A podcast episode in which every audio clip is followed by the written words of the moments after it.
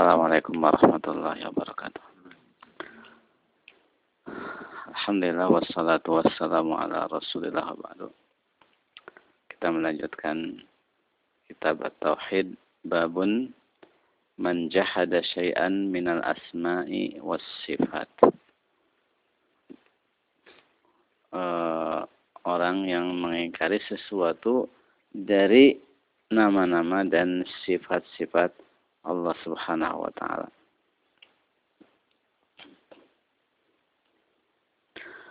Dan firman Allah Subhanahu wa taala, "Wa hum yakfuruna birrahman." Dan mereka itu mengingkari Ar-Rahman. Di dalam sebab nuzul sebab nuzul ayat ini nanti akan disebutkan bahwa orang-orang musyrik Quraisy itu mereka e, mengingkari nama Ar-Rahman mereka uh, tidak mengakui nama Ar-Rahman bagi Allah Subhanahu wa taala. Dan di sini Allah menyebut mereka yakfuruna birrahman. Jadi sikap pengingkaran itu sebagai bentuk kekufuran dari mereka. Allah Subhanahu wa taala mengatakan Qul Allah aw rahman ayyamma tad'u falahul asmaul husna. Katakanlah, serulah Allah atau serulah Ar-Rahman. Apa saja yang kalian seru, maksudnya uh, mana saja yang kalian seru, maka bagi Allah nama-nama yang uh, yang baik. Jadi setiap uh, sifat, setiap nama Allah itu mengandung sifat. Tapi tidak setiap sifat itu mengandung nama asma. Karena e, sifat itu lebih luas. Tapi tidak e, semua sifat bisa jadi nama. Allah punya tangan, itu kan bukan nama ya. Allah ada kodam, ada sak, tertawa. E, Allah melaknat, itu kan sifat.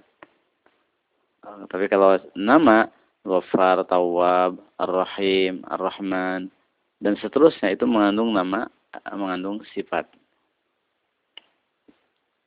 Dan nama-nama e, Allah ada yang e, mutaaddi dalam arti e, sifat nama sekaligus sifat dan sifatnya ada asarnya pada makhluk. Allah Ar-Rahman, sifatnya rahmah Asalnya pada makhluk Allah memberikan rahmat itu. Asalnya seekor uh, apa uh, induk hewan mengangkat kakinya uh, takut apa menimpa anaknya itu dari rahmat Allah Subhanahu wa taala. Tapi ada nama apa namanya uh, sifat sifat ya, tapi tidak memiliki asar, tapi sifat saja.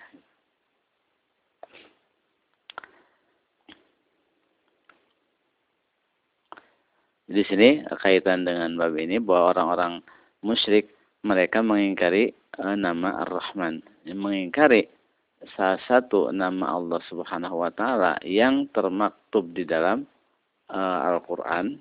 Orang tahu ada nama Allah terus dia mengingkarinya itu merupakan kekafiran. Dan di sini orang yang yang mengingkari sifat itu pertama pertamanya adalah Jaham ibnu Sofwan di mana mereka mengklaim bahwa e, nama tersebut ya nama e, nama arwah e, nama nama al asma itu tidak menunjukkan terhadap sifat yang ada pada diri Allah Subhanahu wa taala.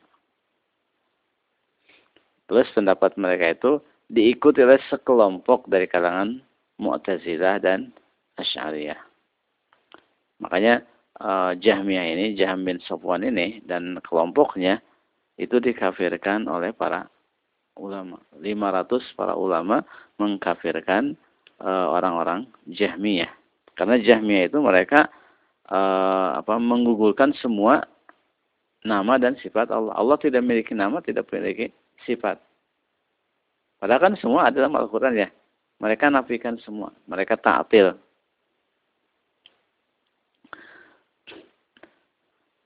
E, dan sebab mereka mentaatil ini atau mengingkari sifat ini adalah berasal daripada mukaddimah pemahaman mereka yang batil yaitu pernyataan mereka bahwa sifat-sifat ini adalah sifat bagi badan jisim. Jadi sifat-sifat ini adalah sifat bagi jisim, bagi ajsam itu kan.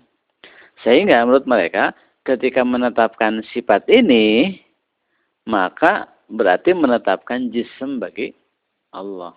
Itu apa mukadimah e, kesesatan mereka. Dari situ sumber kesesatan akal mereka itu. Jadi mereka mengatakan bahwa e, sifat-sifat itu adalah sifatul ajsam. Sehingga dengan menetapkan sifat itu berarti kita menetapkan jisim bagi Allah. Makanya mereka menafikan.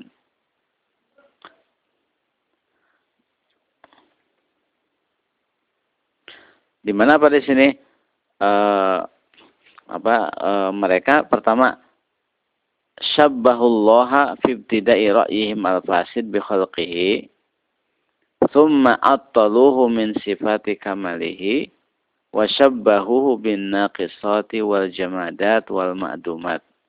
fashabbahu awalan wa attalu thaniyan wa syabbahu thalisan bi kulli naqisin aw ma'dumin jadi orang-orang Mu'attilah, orang-orang Jahmiyah itu mereka itu pertama mereka tasbih dulu musyabihah. Mereka beranggapan bahwa sifat asma yang termaktub di dalam Al-Quran dan Sunnah itu mengandung unsur tasbih. Jadi makna yang ditunjuk eh, di situ mengandung unsur tasbih. Jadi mereka menganggap kalau menetapkan nama dan sifat itu berarti menetapkan jisim bagi Allah. Itu kan tasbih ya.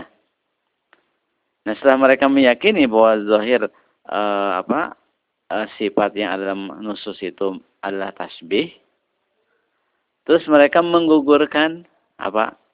Menggugurkannya karena lari dari apa? Tasbih. Kan jisim kan satu yang ada ya. Uh, ter mereka terus menggugurkannya terus setelah menggugurkannya menyamakan Allah dengan sesuatu yang tidak ada. Sekarang yang tidak punya sifat, tidak punya nama, ada nggak? Enggak mendengar, enggak melihat, enggak tidak hidup, tidak menciptakan, tidak ini, pokoknya yang yang tidak ada, tidak tidak apa? Ya tidak punya nama, tidak sifat, tidak ada uh, sifat, kan tidak ada. Jadi mereka pertama e, musyabihah menyamakan Allah ketika mereka mereka mengatakan bahwa kalau kita menetapkan sifat-sifat yang ada dalam Al-Quran dan Sunnah itu adalah berarti menyamakan Allah dengan makhluk. Nah, terus mereka menggugurkan nama itu, lari ke ta'til. Mentatil sifat-sifat yang ada itu. Terus setelah mentatil, uh, dengan mengatakan waktu tidak punya ini, tidak punya itu itu kan mereka menyamakan Allah dengan sesuatu yang tidak ada. Karena yang tidak punya sifat dan tidak punya nama adalah sesuatu yang tidak tidak ada. Makanya mereka syabbahu awalan wa attalu saniyan thumma syabbahu salisan bikul lima ma'dumin. Jadi pertama mereka menyamakan Allah dengan sesuatu yang ada. Dengan sesuatu yang ada. Terus mereka menggugurkannya. Terus mereka menyamakan dengan sesuatu yang tidak tidak ada. Makanya Jahmi itu dikafirkan oleh apa para para ulama. Karena yang benar adalah menetapkan apa yang ditunjukkan oleh Alkitab dan As-Sunnah berupa menetapkan sifat yang telah Allah tetapkan bagi dirinya dan ditetapkan oleh lisan Rasulullah SAW dengan e, penetapan yang sesuai dengan keagungan dan eh, apa kemuliaan Allah Subhanahu wa taala. Karena sebagaimana zat Allah tidak menyamai makhluk, berarti sifat Allah juga tidak menyamai sifat makhluk. Mereka disebut apa? Mu'attilah. Dan mereka itu orang-orang yang mentatil. Dan mereka itu adalah dikafirkan oleh para ulama para ulama telah menulis banyak kitab dalam membantah orang-orang Jahmi itu. Di antaranya uh, Imam Ahmad juga putranya dalam kitab As-Sunnah. Kemudian Abdul Aziz Al-Kanani dalam uh, ketika membantah uh, apa namanya kitab Al-Haidah ketika membantah Bishr Al-Marisi. Kemudian juga kitab As-Sunnah milik Imam Abu Abdullah Al-Marwazi, juga uh, Utsman ibn Sa'id, kemudian juga Ibnu Khuzaimah dalam kitab As-Sunnah dan para ulama menyebut apa si Bishir al-Marisi sebagai apa orang kafir yang apa kafir yang anid yang membangkang Ibnu Taimiyah, Ibnu Qayyim dan seterusnya. Jadi intinya uh, menggung, apa, me, mengingkari satu sifat Allah Subhanahu wa taala yang termaktub di dalam Al-Qur'an dan sunnah sahihah dan tahu itu ada itu sebagai bentuk kekafiran.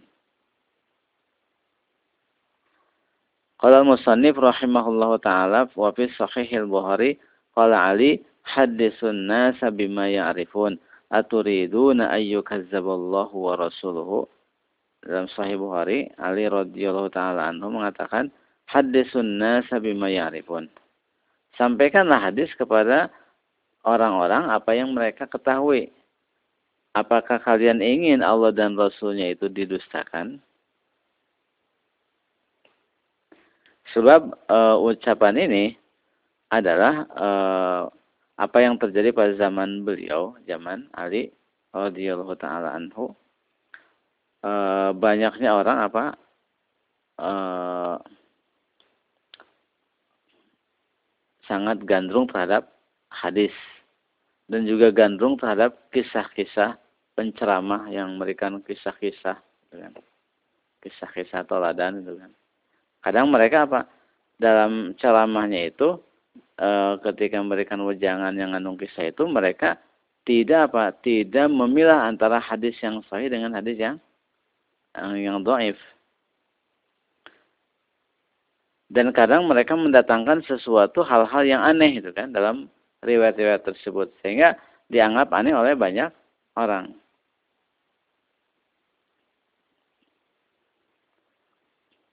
Jadi kadang menuturkan asar-asar yang yang aneh. Tapi dalam pokok masalahnya apa? Menuturkan asar yang sahih itu tapi pakai asar-asar yang yang yang doib, yang tidak ada dasarnya itu maka uh, itu kan bisa menimbulkan mafsadah. Maka Ali radhiyallahu taala anhu menganjurkan kepada orang-orang agar tidak menyampaikan hadis kecuali apa yang sudah dikenal. Kalau yang sifatnya aneh yang bisa meng, apa, menimbulkan uh, keraguan pada orang, maka tidak tidak boleh.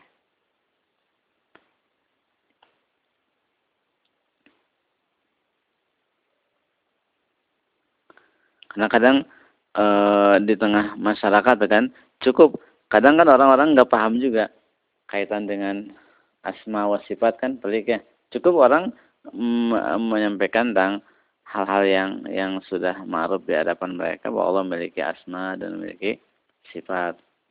Adapun hal-hal yang kadang mungkin bagi sebagian orang itu kan di situ ketika menyebut Allah memiliki apa? Kodam itu kan ya. Kodam, kodam itu ini. Kalau di kita kan kodam ya. Kan di hadis uh, apa neraka itu mengatakan hal mim mazid itu kan. Apakah masih ada tambahan ya Allah? Terus tambah ketika Allah mengatakan apa kodamnya kan neraka mengatakan kot kot gitu kan cukup cukup kan itu di benak orang ya awam itu enggak apa apa namanya eh dan berarti mereka menganggap sesuatu yang apa? Yang aneh itu kan. Yang semacam itu apa? Walaupun itu sahih, tapi kalau bisa menyebabkan orang tidak kurang memahaminya, maka dihindari dari menyampaikannya. Itu. Cukup hadis-hadis tentang apa uh, yang yang yang yang yang apa yang yang sifatnya tidak membuat mereka uh, bingung saja.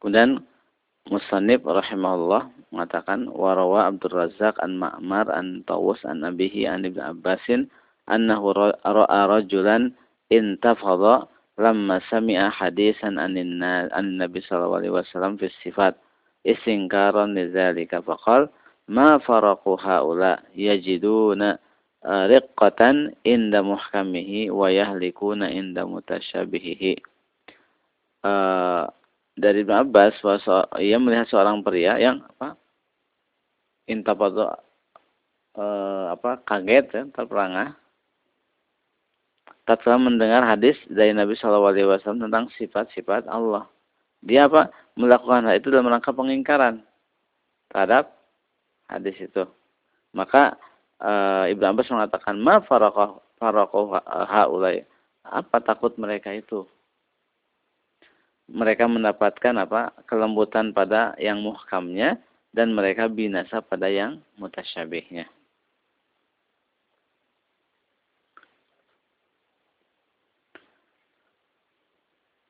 Jadi sini uh, ketika disampaikan hadis, hadisnya kaitan dengan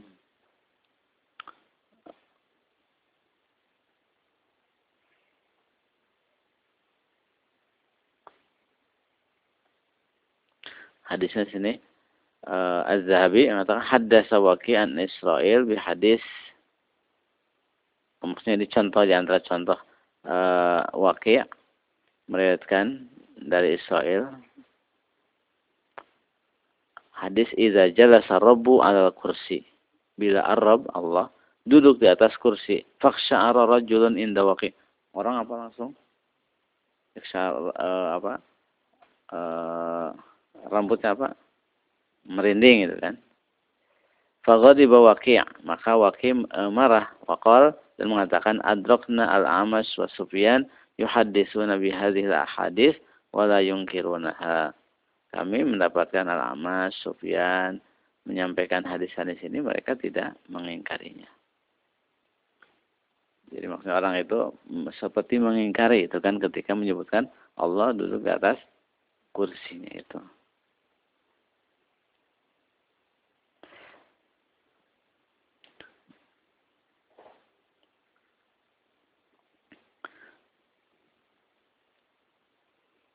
Jadi intinya bahwa ketika menyampaikan kepada uh, apa kaitan dengan masalah sifat, apa pun yang sahih dalam Alkitab dan As-Sunnah kita harus menerimanya, kita memahaminya secara makna bahasa Arab, adapun hakikat hakikat kaifiyahnya itu diserahkan kepada kepada Allah. Karena Allah yang Maha mengetahui.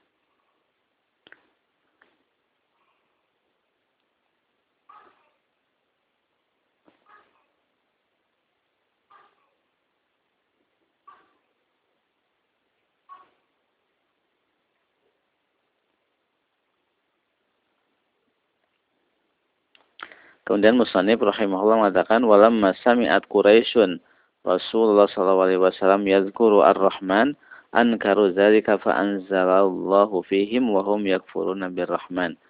Tatkala orang-orang Quraisy mendengar Rasulullah sallallahu alaihi wasallam menyebutkan Ar-Rahman, maka mereka mengingkari hal itu. Maka Allah menurunkan kepada tentang mereka wa hum yakfuruna birrahman.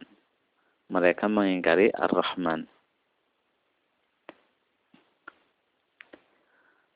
Di sini kaitan dengan uh, perjanjian Hudaybiyah. Eh, dalam perjanjian tersebut ditulis hadza ma alaihi Muhammad Rasulullah. Ini adalah perjanjian yang dilakukan oleh Muhammad Rasulullah. Maka orang-orang musyrik Quraisy mengatakan, La in kunta rasul, la in kunta Rasulullah summa qatalnaka laqad salamnaka. Kalau kamu itu Rasulullah terus kami memeranginya berarti kami telah zalim kepada kamu. Lakin, walakin uktub hadza ma salaha alaihi Muhammad ibnu Abdullah. Akan tapi tulis, tulis kalimat ini. Ini perdamaian yang di, dilakukan oleh Muhammad bin Abdullah. Disebutkan Rasulullahnya. Maka para sahabat Rasulullah SAW mengatakan, Da'na ya Rasulullah nuqatilhum. Biarkan kami wahai Rasulullah untuk memerangi mereka. Maka Rasul mengatakan, La, tidak. Walakin uktubu kama yuridun Inni Muhammad ibnu Abdullah. Akan tapi tulis apa sebagaimana yang mereka inginkan. Aku adalah Muhammad ibnu Abdullah. Kemudian tatkala uh, penulis menulis surat tersebut, uh, menulis kalimat Bismillahirrahmanirrahim, maka orang-orang Quraisy mengatakan Ammar Rahman fala na'rifuhu. Adapun Ar-Rahman maka kami tidak mengenalnya. Uh, dan mereka pada zaman jahiliyah itu biasa menulis bismi, bismikallahumma. Maka para sahabat Rasul mengatakan, Ya Rasulullah da'na nuqatilhum. Wahai Rasulullah, biarkan kami memerangi mereka. Maka Rasul mengatakan, La, walakin uktubu kama yuridun. Tapi tulis seperti apa yang mereka inginkan.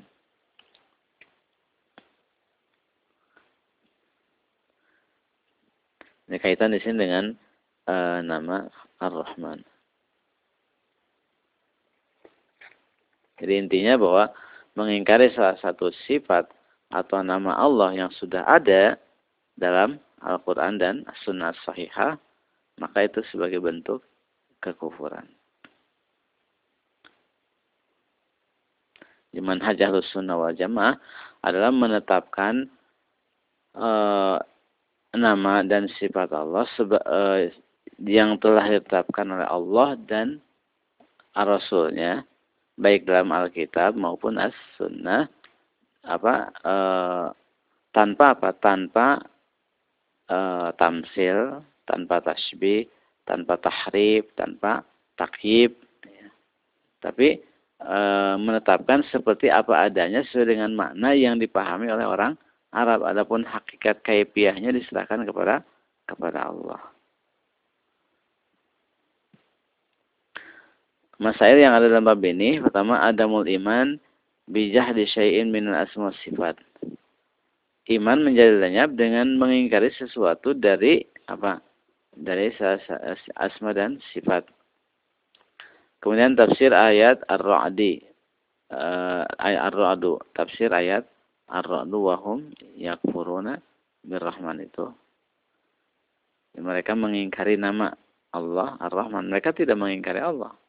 Mereka tidak mengingkari Allah. Tapi mereka mengingkari Ar-Rahman itu. Kemudian tarkul hadis bima la, uh, la, yafham, la yafhamu as-sami meninggalkan pembicaraan yang tidak dipahami oleh pendengar. Kemudian zikru al-illah annahu yufdi ila takdzibillahi wa rasulihi walau lam yata'ammad al-mungkir. Al -mungkir. E, alasannya adalah hal itu bisa menghantarkan kepada pendustaan Allah dan Rasulnya. Walaupun orang yang mengingkarinya itu tidak bermaksud.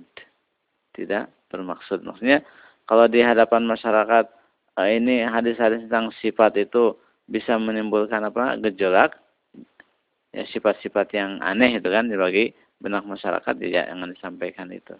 Karena khawatir mengapa itu pada nasnya sohe mereka mendustakannya, gitu kan? kan jatuh dalam apa? Mendustakan nas. Gitu.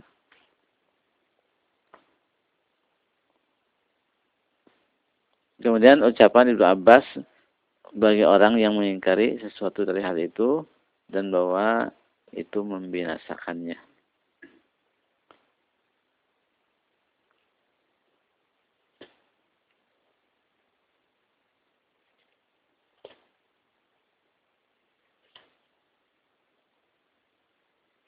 Jadi sifat uh, pengingkaran terhadap uh, asma atau sifat itu sebagai bentuk apa? Hal yang bisa membinasakan orang tersebut. Karena ya ujungnya bisa jatuh dalam paham bid'ah atau bahkan nanti bisa jatuh dalam kekafiran. Ya, kita